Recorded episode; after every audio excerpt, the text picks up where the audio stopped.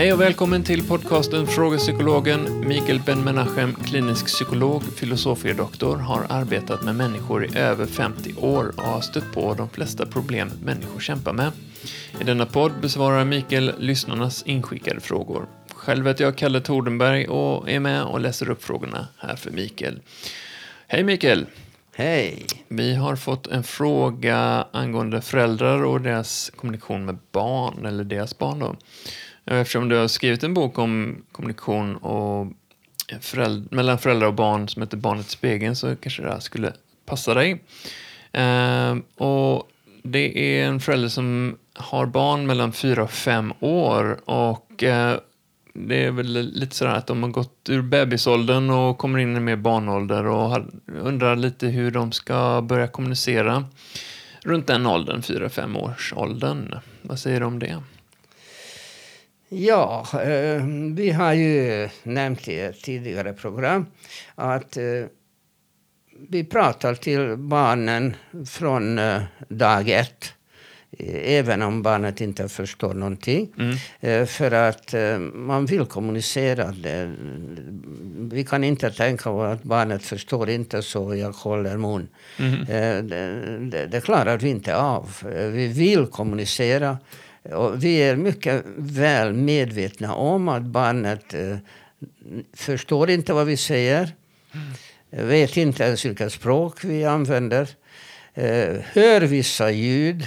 Eh, kanske inte första dagarna är så tydligt men eh, kroppen, eh, bebisens kropp eh, utvecklas eh, undan för undan och hör bättre och ser bättre fortfarande inte förstår någonting av vad vi säger.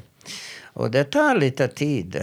Och, um, upp till ett år eller mer tills man på något sätt börjar uh, verbalt reagera på uh, vad, vad vi säger. Mm. Tills dess så, så antingen allting är okej okay, och, och då, då ler barnet och det, då är vi jätteförtjusta. Eh, eller så gråter hon för att hon har något problem. Eh, ett barn gråter aldrig för att hon var elak. Nej. För att många föräldrar, liksom, efter de har varit tvungna att stiga upp femte gånger under natten så tycker att, är, att barnet är elakt mm. och inte låter pappa sova eller mamma. Mm. Eh, så är det aldrig. Eh, barnet, eh, barnet eh, gråter av två anledningar. Dels för att någonting inte stämmer. Mm. Och det kan vara vad som helst. Och därför är det väldigt viktigt att det här är vår första tanke. Att någonting stämmer inte. Mm. Och det, det, kan vara vad som helst. Det kanske fryser, eller för varmt, eller hungrig.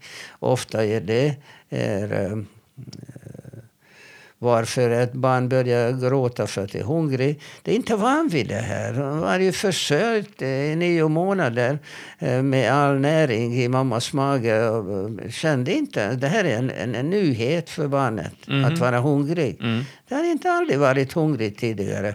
Och plötsligt så, så, så känns det konstigt i magen och börjar signalera, enda sättet att signalera gråter att uh, hallå där, jag, uh, det är någonting, någonting stämmer inte. Mm. Liksom, han är stängt av kranen eller vad.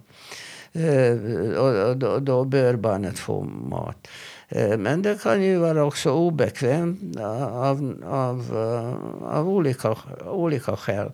Så att man ska aldrig utgå ifrån att barnet är elak eller eh, vill mamma illa, låter mig inte sova. Sådär. Mm. Utan vi får alltid kolla upp det. Men, men, det finns en annan anledning också. När det bästa som ett litet barn har det är att ha mamma eller pappa i närheten. Mm. Och så nära som möjligt. Helst eh, kroppsnära. Eh, kroppsnära. Att, att känna mammas eller pappas kroppsvärme. Mm. För att det, det är det som påminner barnet mest om det tidigare livet eh, där inne. Mm. För att det var ju mycket behaglig temperatur. Och eh, det var lugnt och maten kom eh, automatiskt. Full service. Ja, ja men full service, precis. Mm. Eh, så att barnet dels kräver det här. Jag tycker att det är skönt och det bör vi ge barnet också. Men det kan ibland efter ett tag kollidera med våra egna behov. Mm. Och framförallt när det gäller måltider. Och därför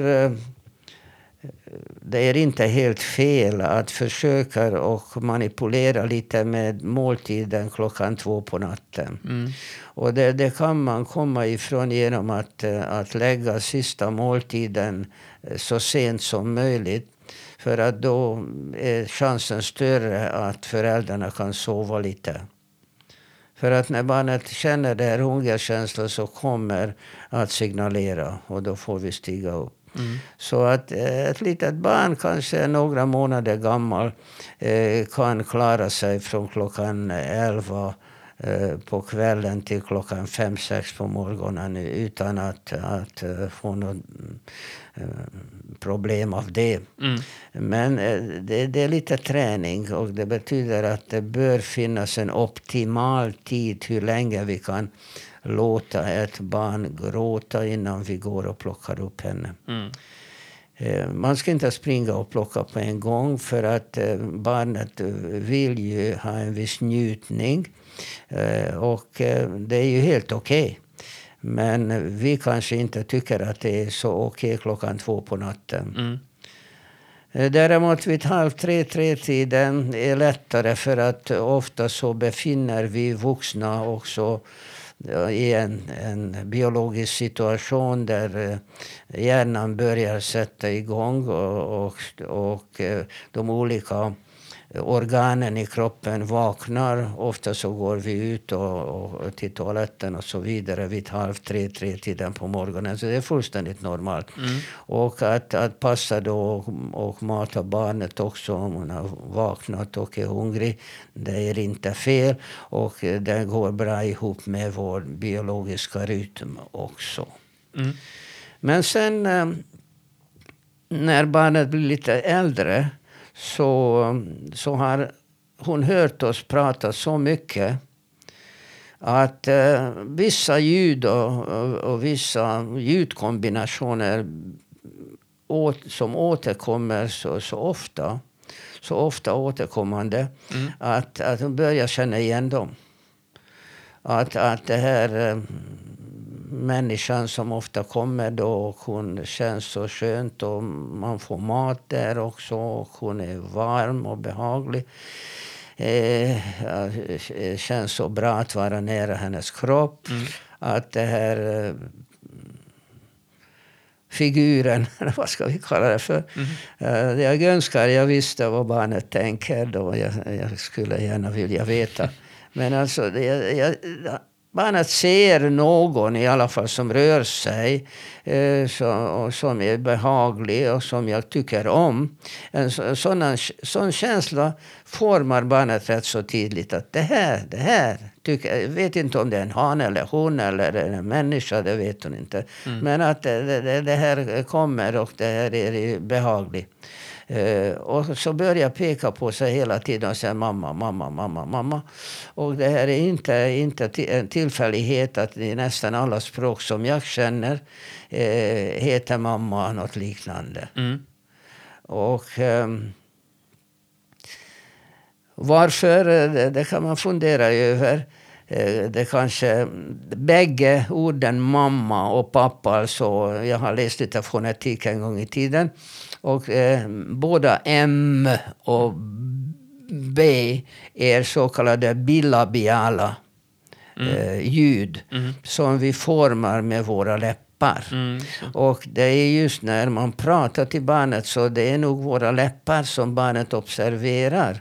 Och, och de låter ju väldigt lika det här med mamma och pappa. Mm. Alltså M, B och P, de är alla tre bilabiala. Mm.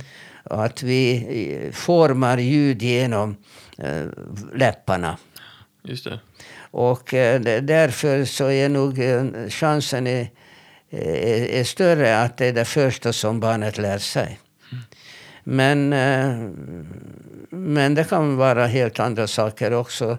Ofta är nog ändå ord som föräldrarna ofta upprepar som barnet eh, lär sig först. Mm. Eh, min äldsta dotter sa ingenting. Hon var då ja, kanske ett och ett halvt år eller någonting sånt. Och plötsligt så satt hon upp och eh, sa, det, vi pratade engelska hemma. Mm. Och, då, och så började hon prata. Mhm. Hon har aldrig sagt någonting tidigare. Mm. Och det är inte som den berömda vitsen med den lilla eh, lorden som har aldrig sagt ett ljud. Och så plötsligt vid eh, tedags på eftermiddagen så sa han eh, there, there is no sugar. Och alla tittade på honom och sa du kan prata, du har aldrig sagt någonting. Mm. Och nu plötsligt, hur kommer det sig att du pratar? Och då sa lilla lorden, det har ju alltid funnits so- socker på bordet. och eh, det var nästan liknande. Eh, vår dotter satt upp och sa så här, go, go away, Jaha. go away, gå härifrån. Mm. Jag Det var, skulle... var det ja. första hon sa? Ja, den här dottern är över 50 år nu. Så jag skulle gärna vilja veta varför var det det första hon har lärt sig att jag ska försvinna därifrån. Ja. Smickrande. Ja, men, Men- men alltså oftast så säger de mamma och pappa de, de, de här bil- bilabiala eh, ljuden som är vanligast. Men just den här äh, tiden 4 till 5 års ålder, för där är det, jag fick lära mig när vi fick barn att när man är ett så använder man enordsmeningar, när man är två, tvåordsmeningar, tre, treords och så vidare. Fyra, fem börjar man ju liksom göra Ja, men de, de kan ju säga sammanhängande, sammanhängande meningar redan vid två, tre år, års ålder. Mm. Och eh, det, det är en enorm njutning för föräldrarna att eh, de vet att allt som barnet säger kommer ifrån dem. Mm. För att de, de kan eh, i det här första levnadsåret definitivt inte hålla på med internet och, och Facebook och sådär. Utan allting som barnet då yttrar kommer från föräldrarna. Ja. Oavsett modern teknik och eh, sociala medier så är det här första eh, levnadsåret så får nog barnet inte intryck eh, verbalt eh, från andra håll än just från föräldrarna. Mm. Det, det vågar jag eh, säga. Mm. Sen, eh, nu är det väldigt snabbt. Jag har haft en liten patient, fyra år gammal, som definitivt inte kunde läsa och skriva, men klarade av internet rätt så bra. Mm. Så att eh, de- lär sig de här medierna mycket tidigare än vad vi tror. Och eh, kommer ihåg vissa knappar var, var man ska trycka, trycka för att eh, få fram någonting. Det, det lär de sig väldigt snabbt. Och när de börjar bli så självständiga så, så blir kommunikationen med föräldrarna också lite annorlunda. Mm. Och ehm, kanske lite mindre personliga än vad det har varit tidigare. Och eh, det, hänger ihop med vår tidsålder också antagligen. För att barnen eh, blir verbalt bättre och bättre hela tiden. Och eh, en tre, fyraårig barn kan ju tala oavbrutet. Och eh, framför allt så, så är barnet nyfiken. Mm. Och där, där har vi en mycket viktig roll att fylla. För att eh, när, när en förälder tycker att barnet pratar för mycket och försöker eh, eh, antyda att, han, att hon borde sluta prata, det är i dödssynd. Mm. Det är dödssynd Eh, för att eh, barnet är mycket vetgirig och för att vi är fortfarande den viktigaste källan av all kunskap i världen så är det väldigt synd om vi försöker avstyra det här. Och nu kommer vi in i den här eh, viktigaste delen. Om vi nu säger fyra års åldern, det är nog det tidigaste. Men ehm, om vi talar ungefär om mellan fyra och åtta, nio, alltså de här fyra, fem åren, Mm. de är avgörande. Mm. De är avgörande och styr barnets hela framtid. Mm. En hel del av det här som barnet kommer att, eh, att visa är redan kodad i DNA. Mm. Eh, framförallt intelligens. Eh, vi, när jag läste psykologi så, och framförallt inlärningspsykologi så trodde vi att eh, det här med, eh, med arv och miljö, det är ungefär 50-50. Mm.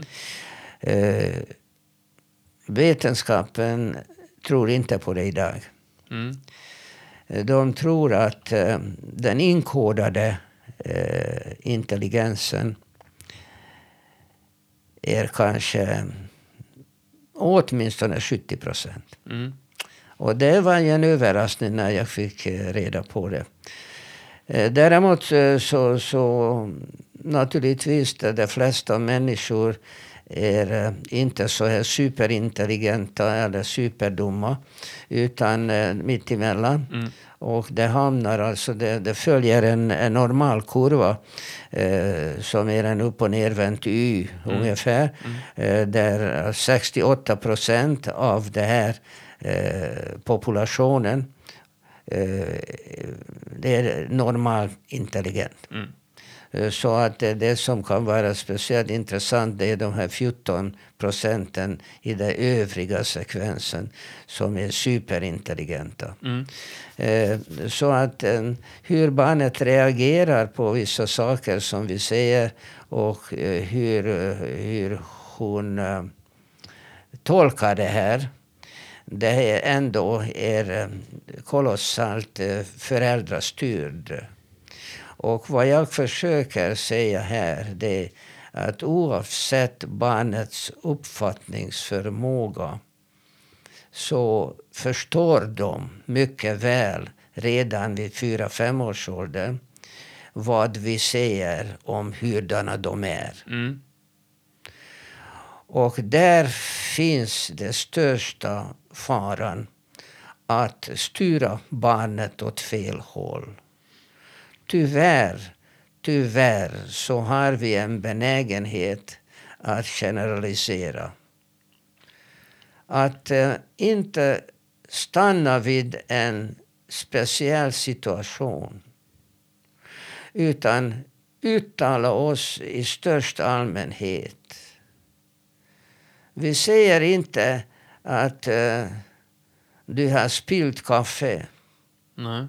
Utan vi säger du är klumpig. Mm. Det är en enorm stor skillnad mellan att säga du har spillt kaffet än att säga du är klumpig. Ännu värre att säga typiskt du. Mm. Du är så klumpig det är inte klokt. En grej som jag... Ja, precis. Ja, men det är så här, man, man ger dem en roll liksom. Ja, så, har det, varit. Så kommer det vara. Nej, nej att, att vi generaliserar.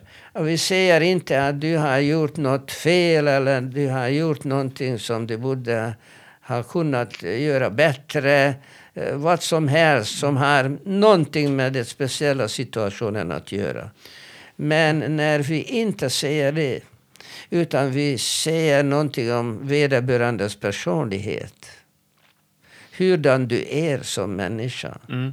Och det här är, och det är vansinnigt och, och osann. Det borde inte förekomma. Mm. Så innan en förälder öppnar munnen och säger någonting till barnet hurdan du är.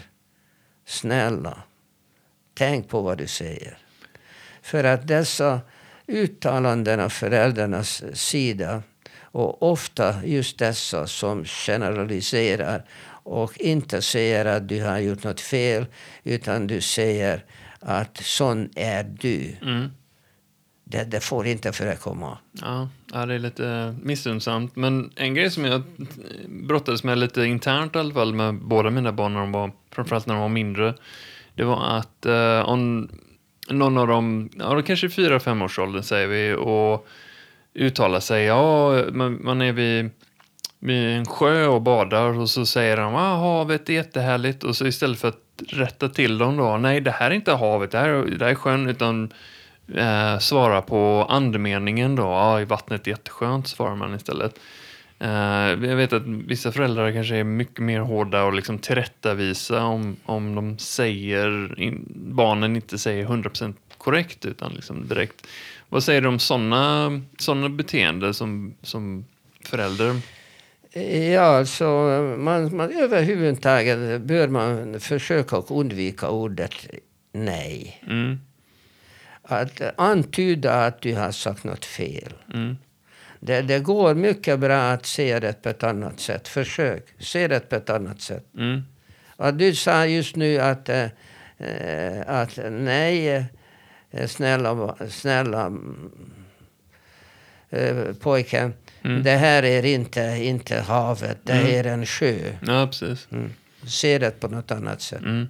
Ja, för det är of- ofta så här, en sån tillrättavisning kan ofta kanske eh, bryta av en viss stämning som man har eh, om man är gott humör och sådär och så plötsligt ska man så här tillrättavisa dem utan eh, tolka mellan raderna, okej jag förstår vad du menar och så går svara på det istället. Vad jag menar?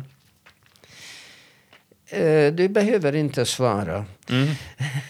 Eller så Alltså, följer eh, upp. Ja. föräldrar ofta tror att de behöver svara på allting. Mm. Eh, Nu, eh, låt mig förklara det här. Mm. När ett barn frågar en konkret fråga. Om du säger pappa, är det här havet? Mm. Eller är det här en sjö? Mm. Då, då vet hon redan att det är två olika saker vi pratar om. Ja. Och då ska man naturligtvis eh, tala om för barnet att det är en sjö. Och då kan barnet ha följdfrågor. Och så varför är det en sjö och varför inte havet? Då förklarar du. Mm. Okej? Men du ser inte när barnet säger ah, här är havet. Mm. Och då säger du inte nej, snälla det här är inte havet, det här är bara en sjö. Mm. Eh, Det är vad du inte ska göra. Utan säger barnet ah, är havet, då säger du till honom ah, det här sjön heter eh, eh, Mjölnen. Mm. Ja, precis. Är Lite mer subtilt så kanske. Jag Ja. du säger det här sjön heter Mjölnen. Mm. Och så barnet säger kanske fel och säger Mönen eller någonting Mm. sånt. Ja just det, säger du. Sjön heter Mjölnen. Mm. Ska vi gå till, till, ska vi gå till eh, sjön? Mm. Eh, Då har du undvikit eh, ordet nej. Mm. Eller att eh, antyda att han inte visste Mm. någonting. Exakt. Det, det är väldigt lätt eh, att, att göra ändå så folk tänker inte för sig. Ja. Ja, för som förälder kände jag att jag hade en sån maktposition gentemot framförallt mina barn då. Att eh, de ser upp till mig, jag är deras trygghet sådär. Och, och skriva dem på näsan allt för ofta var liksom, kändes ofta som en så här, lite ma- maktmissbruk. Eh, sådär. Så att, eh, ja, men medans... Ja, men det är, det är absolut. Ja. Det är absolut. Och eh, vi har ju makt. Ja, men vi är stora och starka och kan allting och vi kan köra bil och allt sånt här. Så, eh, och eh, att tillrättavisa barn bara för att vi är större och äldre och duktigare, Mm. eh, det, det bör inte förekomma. Mm. Eh, Framförallt just eh, när det gäller lekar. Mm. Nu vet jag att barn inte lekar på samma sätt som de gjorde för ett antal år sedan. Men ändå, när ett barn sätter sig under bordet Mm. och kör bil Mm. Och, och eh, även imiterar ljudet och eh, så, så ska inte en, en pappa eller mamma gå och säga men snälla Kalle, det här är, du sitter under bordet. Det här är dödssynd. För att eh, du förstör barnets fantasi. Eh, och, mer än så. Barnet vet att han sitter under bordet. Hon är inte dum. Hon, hon, hon känner till begreppet eh, bord. Ja, det. Okej? Hon vet att det inte är bil. Mm. Men det enda bilen som femåringen kan köra det är under bordet. Mm, eller hur? Ja. Så, Eh, han, är, han vet mycket väl att det här är inte den bilen som pappa kör. Mm. Men han kan inte köra någon annan bil. Och eh, man förstör barnets fantasi genom att, att eh, försöka att ta henne ifrån den här eh, leken Mm. som kräver en hel del fantasi. Ja, verkligen. Ja, de lever ju, ja, barn är ju så extraordinära att kunna leva sig in i sånt. Att snabbt bara leva sig in i en fantasi som de kommer på. Det, ja, det ska man uppmuntra. det, det, det är precis så. så eh, väldigt, väldigt viktigt att, att när du ser att barnet leker någonting Mm. eh, att, att du inte försöker upplysa Mm. henne om att det inte är så och så. För att eh, de flesta människor som tappar sin kreativitet, som, som finns hur mycket som helst av eh, vid den här tidiga åldern, Mm. eh, det är tack vare de här tillrättavisningar. Ja, just det. Att de försöker förklara dem att så är det inte alls. Mm. Överhuvudtaget ordet inte eh, är ett ord som, som eh, eh, man ska vara väldigt försiktig med. Verkligen. Istället för att säga gör inte så, så säg så ska vi göra. Mm. Hur lätt som helst. Och ändå av någon anledning som jag aldrig listat ut och jag vet inte hur duktig jag var på det när mina barn var små. Mm. Att det kommer alltid en negativ grej ur munnen. Mm. Är, vi alla bär på en liten inre tyrann som vill liksom kontrollera genom tvång eller genom i alla fall eh, verbaliserad tvång. Eh, kanske igen det när tålamodet var nere, energin var nere och bara Ja, men, det, men det är också så som jag brukar säga till, till eh, parrelationer. Mm. Att när man kommer till mig och säger att vi bråkar för mycket hemma. Mm. Så det, det första regeln är det att, att innan man börjar eh, visa en helt annan eh, uppfattning Mm. eh, än den som har sagt något. Och som svar vill man visa en helt annan uppfattning. Mm. Att räkna till tio. Mm. Tyst för sig själv. Ja, ja, ja, det... Har du gjort det och vill fortfarande säga det, okej, säg det. Mm. Men jag skulle gissa att den största eh, mängd av, av eh, svaren blir modifierad efter att man har väntat lite. Så sant. Jag har lärt mig i Sverige att så, så, så rätt eh, kan man aldrig ha. eh, Som den andra inte kan också ha lite rätt. Mm. Exakt. Eh, Men när, när man är i affekt och, eh, och i, i sekundens uh, ilska eh, s- slänger ut någonting ur sig Mm. eh, och orsakar en hel del problem Mm. efteråt. Och om det här förekommer för många gånger den kan ju förstöra en bra relation. Verkligen. Och det, det, det, det som är eh, nu när jag är gammal, det är lätt för mig att säga, men jag gjorde det lika dåligt när jag var ung. Mm. Men jag försöker och, och säga det till unga människor som jag träffar idag i min mottagning. Mm. Att um, använda liknande tekniker. Att inte vara så säker på att bara ditt sätt att göra någonting är rätt. Mm. För att kom ihåg att, att, att vi... eh, Det är mycket lättare på ett sätt med barn och föräldrarrelation. Jag menar, när du har din femåring hemma Mm. eh, så nästan allting som hon kan kommer ifrån dig eller från eh, din fru eller ens mamma. Mm. Men eh, det här ändras så småningom.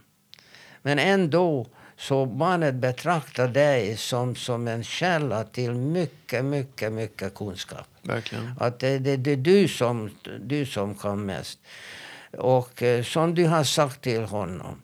Och det lever så starkt in i en människa. Och det kan vara hur dumt som helst. Mm. Men det kommer från pappa. Och pappa har sagt till mig Att jag ska inte dricka vatten efter att ha ätit vattenmelon. Mm. Ja, det finns absolut ingen förklaring varför man inte kan dricka vatten efter vattenmelon. Mm. Kanske det att vattenmelon består i 99 procent också av vatten. Så att man kanske tycker att det blir för mycket vatten. Men, men att det skulle vara farligt på något sätt. Mm. Eller att man ska inte dricka vatten efter soppa. Mm.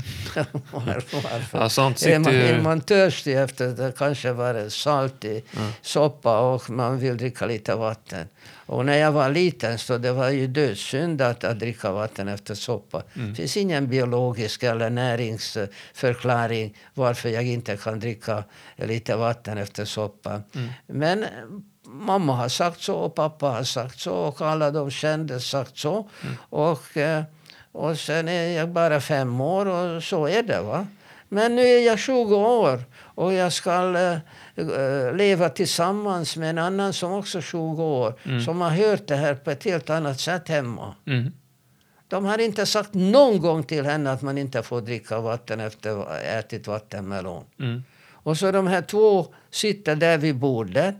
Och den ena säger nej, nej, nej, nej, nej, drick inte vatten. Det ska man inte göra efter vatten. Mm. Vad är det för dumheter? Det är du som säger dumheter. Ha? Är bråket igång? Ja. Är bråket igång? Ja, det sitter djupt. Och i. I själva verket så, så de bägge är ju resultat av olika uppfostringsmetoder och uppfostrings eh, eh, meningar och uppfattningar om hur saker och ting ska vara. Visst.